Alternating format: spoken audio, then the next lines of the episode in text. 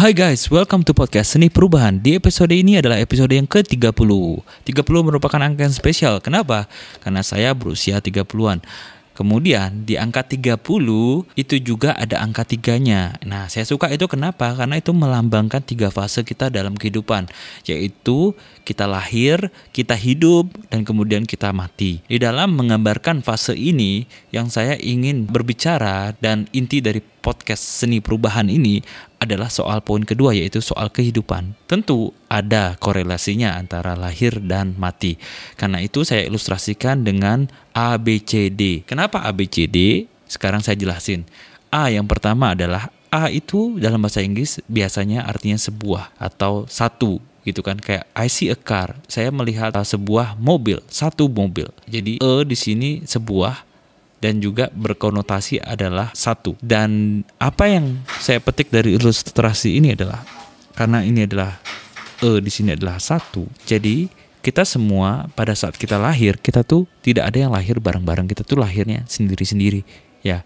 Walaupun anak kembar pun pasti ada yang duluan yang mana yang keluar. Jadi sendiri-sendiri satu-satu. Artinya apa? Bahwa anda adalah satu-satunya di dunia ini. Anda adalah unik. Tidak perlu anda menjadi siapa-siapa karena Anda cukup menjadi diri sendiri aja karena you are unique. Tapi yang perlu kita harus kita tekankan dalam hidup ini adalah bagaimana keunikan kita ini, gimana cara kita mengasah potensi kita, memaksimalkan potensi kita supaya kita semua menjadi the best version of ourselves. Saya garis bawahi the best version of ourselves, bukan the best version of someone else. Kita tidak perlu menjadi yang terbaik seperti orang lain, kita hanya perlu menjadi yang terbaik dari diri kita sendiri. Maka makna dari e seorang di sini juga atau satu atau sebuah.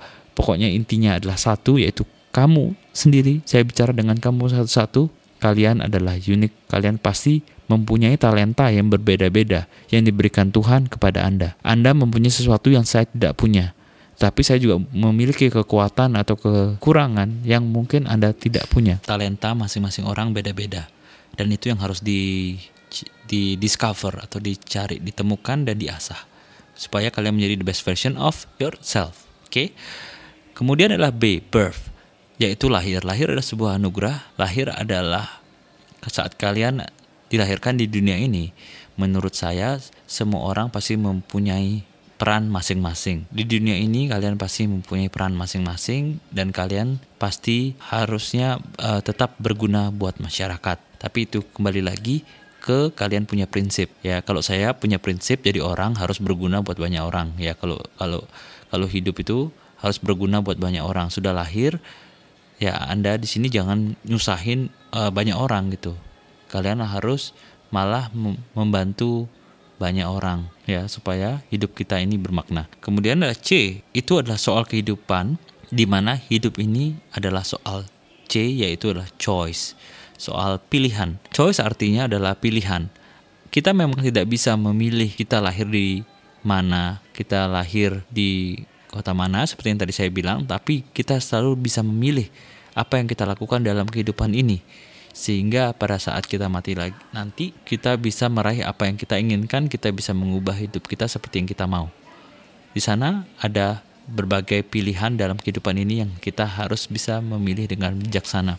C di sini adalah kenapa hidup ini soal pilihan? Karena kita bisa memilih kok kita mau jadi apa. Kita mau bisa memilih kok kita ini mau membantu orang di bidang apa. Kita ini bisa milih kok kita ini perannya apa. Kalian harus berpikir dalam hidup ini kalian adalah the main actornya. Kalian adalah peran utamanya. Nah, dalam peran ini kita bisa memilih kita ini mau jadi apa sih dalam hidup ini kamu mau jadi pengusaha, kamu mau jadi artis, kamu mau jadi seniman, kamu mau jadi koki masak, kamu mau jadi dokter, kamu mau jadi lawyer, itu semua pilihan Anda, pilihan hidup Anda. Saya mengerti bahwa kadang-kadang ada faktor orang tua yang bisa membuat kita tidak memilih sesuai dengan apa yang kita inginkan. Namun itu tidaklah menjadi sebuah alasan. Karena saat kalian tumbuh dewasa nanti, kalian bisa memilih apa yang kalian mau dan kalian bisa mengkomunikasikan ke orang tua dengan baik, meyakinkan orang tua bahwa inilah yang kita pilih dan itu membuat kita happy. At the end of the day orang tua ingin kita happy. Kalau memang itu membuat kita happy, maka kita harus lakukan. Karena menurut saya sungguh sedih dan ironisnya kalau kita mati nantinya dan kita hidup ini hanya untuk menyenangkan orang lain tetapi tidak diri kita sendiri. Menurut saya, hidup terlalu singkat untuk melakukan hal itu. Untuk kita selalu merasa sengsara, merasa sedih karena kita sendiri tidak happy. Ini adalah hidupmu, bukan hidup orang tuamu, bukan hidup temanmu, bukan hidup siapa-siapa.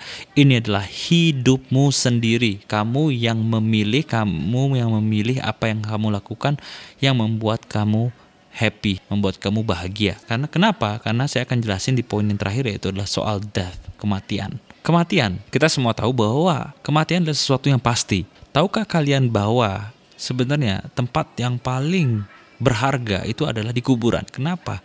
Karena di sana ada banyak orang-orang yang meninggal yang tidak sampai mengeluarkan mengekspresikan talenta mereka, tidak meng discover mereka punya talenta dan tidak menjadi the best version of themselves. Banyak sekali orang-orang yang telah meninggal namun tidak menggunakan talenta yang dia miliki dalam hidupnya. Sayang banget gitu. Padahal mungkin ada satu orang yang meninggal bekerja sampai pada akhir hayatnya dia hanya bekerja sebagai admin di sebuah perusahaan. Padahal dia mempunyai suara yang sangat indah yang bisa menjadikan dia eh, sebagai legend tapi dia tidak mengambil jalur itu. Ya kembali lagi guys it's a choice gitu. Tapi menurut saya sayang banget. Makanya saya selalu bilang kalau kalian punya talenta apa coba aja diekspresif gitu loh. Zaman sekarang zaman internet zaman sosial media nggak ada yang salah kok mencoba. Pasti yang membuat orang berhenti adalah rasa takut, merasa mereka terlalu menghargai pendapat orang lain di mana pendapat tersebut tidak benar gitu. Contohnya, jika ada orang yang bilang nyinyir, "Ah, kamu mana bisa sih? Kamu pasti suaramu itu jelek lah. Kamu nggak mungkin lah bisa jadi jelejer. Kamu mimpi ya." Kemudian dia menerima itu menjadi suatu kebenarannya dia dan dia tidak akhirnya berani untuk berkarya dan membagikan karyanya itu ke internet, ke sosial media, ke masyarakat. Akhirnya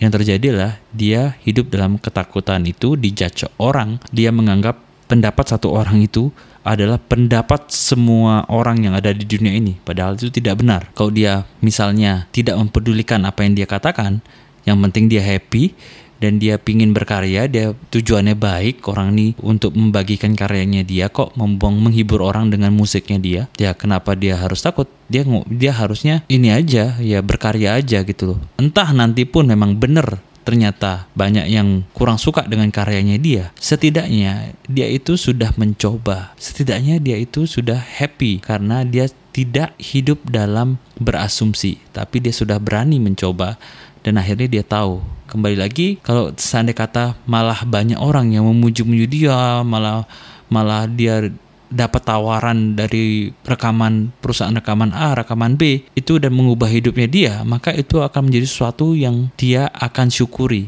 Untung saya tidak mendengarkan orang itu ngomong apa. Untung saya tidak mempedulikan pendapat orang lain soal apa yang saya lakukan. Saya just do it.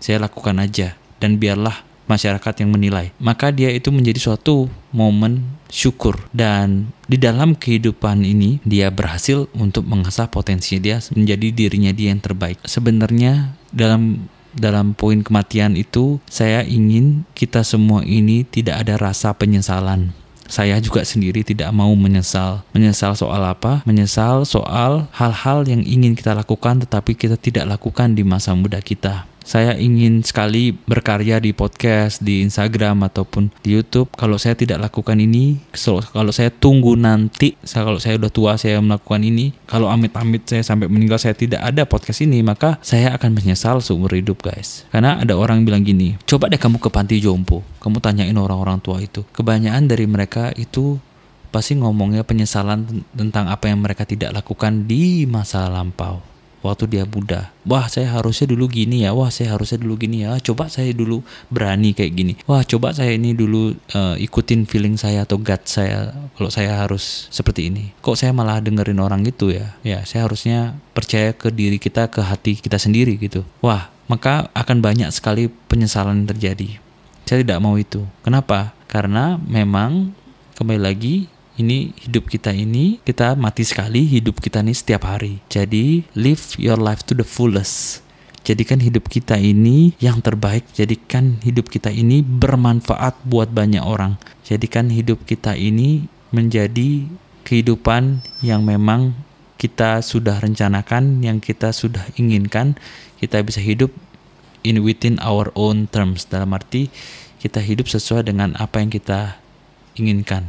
Kita penting punya mimpi karena itu yang membuat kita untuk grow, untuk kita maju. Itu bisa menginspirasi buat banyak orang. Tidak salah mempunyai keinginan soal materi, tetapi lebih mulia lagi jika kita mempunyai mimpi untuk berdampak buat banyak orang. Karena at the end of the day, pada saat kita lahir, kita menangis, tetapi sekeliling kita tersenyum. Maka buatlah saat kita meninggal nanti, kita tersenyum, sekeliling kita menangis. Artinya apa? Kita hidup dengan puas dengan hidup kita. Kita hidup tidak dengan penyesalan, kita hidup sesuai dengan apa yang kita mau, kita hidup telah menjadi the best version of ourselves. Orang-orang sekeliling kita yang menangis itu karena mereka tak sanggup untuk menahan atas dampak yang kita berikan kepada mereka secara positif. Jadikan ini sebuah prinsip, jadikan ini sebuah ilustrasi yang berharga buat kalian. Semoga saya bisa berdampak juga buat kalian dan semoga juga kalau kalian menemukan manfaat dari podcast ini, bagikan ke teman-teman kalian karena saya ingin hidup saya ini berdampak buat banyak orang dan juga untuk diri saya sendiri saya selalu improve mencoba untuk improve mencoba untuk selalu belajar untuk menjadi pribadi yang lebih baik lagi menjadi pribadi yang lebih baik lagi sampai saya juga bisa menjadi the best version of myself gitu. Begitupun juga kalian. Saya tidak pernah menyuruh kamu kalian menjadi diri saya. Saya justru di sini menghimbau kalian jadilah diri kalian sendiri cuman harus lebih baik setiap harinya. Nggak usah compare ke orang-orang lain cukup compare ke diri kalian yang kemarin. Kalau kalian kemarin seperti apa hari ini harus lebih baik. Besoknya harus lebih baik lagi dari yang kemarin dari hari ini. Jadi harus hidup itu berprogres berprogres supaya kita selalu menjadi pribadi yang lebih baik. Cuman guys untuk menjadi lebih baik tentu kita harus belajar. Dan kita harus berubah Makanya di dalam seni perubahan ini adalah seni. Kenapa? Karena orang itu berubahnya itu ya kayak seni lah. Tidak semua orang uh, sama cara berubahnya. Ada yang ada yang berubah karena kondisi yang memaksa, ada yang berubah karena sebuah pesan, ada yang berubah karena momen-momen tertentu. Jadi itu ada seninya gitu. Makanya saya tidak juga pernah berhenti untuk belajar saya juga tidak, tidak pernah berhenti untuk mencoba menginspirasi dan berdampak. Siapa tahu dengan adanya podcast podcast saya ini siapa tahu ada yang merasa tertolong terbantu dan juga tersentuh dan hidupnya bisa berubah ke arah yang lebih baik lagi. Namun saya selalu bilang endingnya berubah itu tidaklah mudah tetapi hidup akan lebih mudah jika kita mau berubah. Kenapa? Karena kalau kita nggak berubah ke arah yang baik, pilihannya kita pasti berubah ke arah yang tidak baik. Karena itu berubahlah ke arah yang baik. Sesuatu yang baik saya bilang semua itu tidaklah mudah. Kalau kita mau sukses, tidaklah mudah. Ya, kalau kita mau menjadi pribadi yang lebih baik lagi, itu juga tidak mudah. Tentu semuanya itu adalah proses dan kita harus menikmati prosesnya dan selalu be grateful and take action. Okay, bye bye.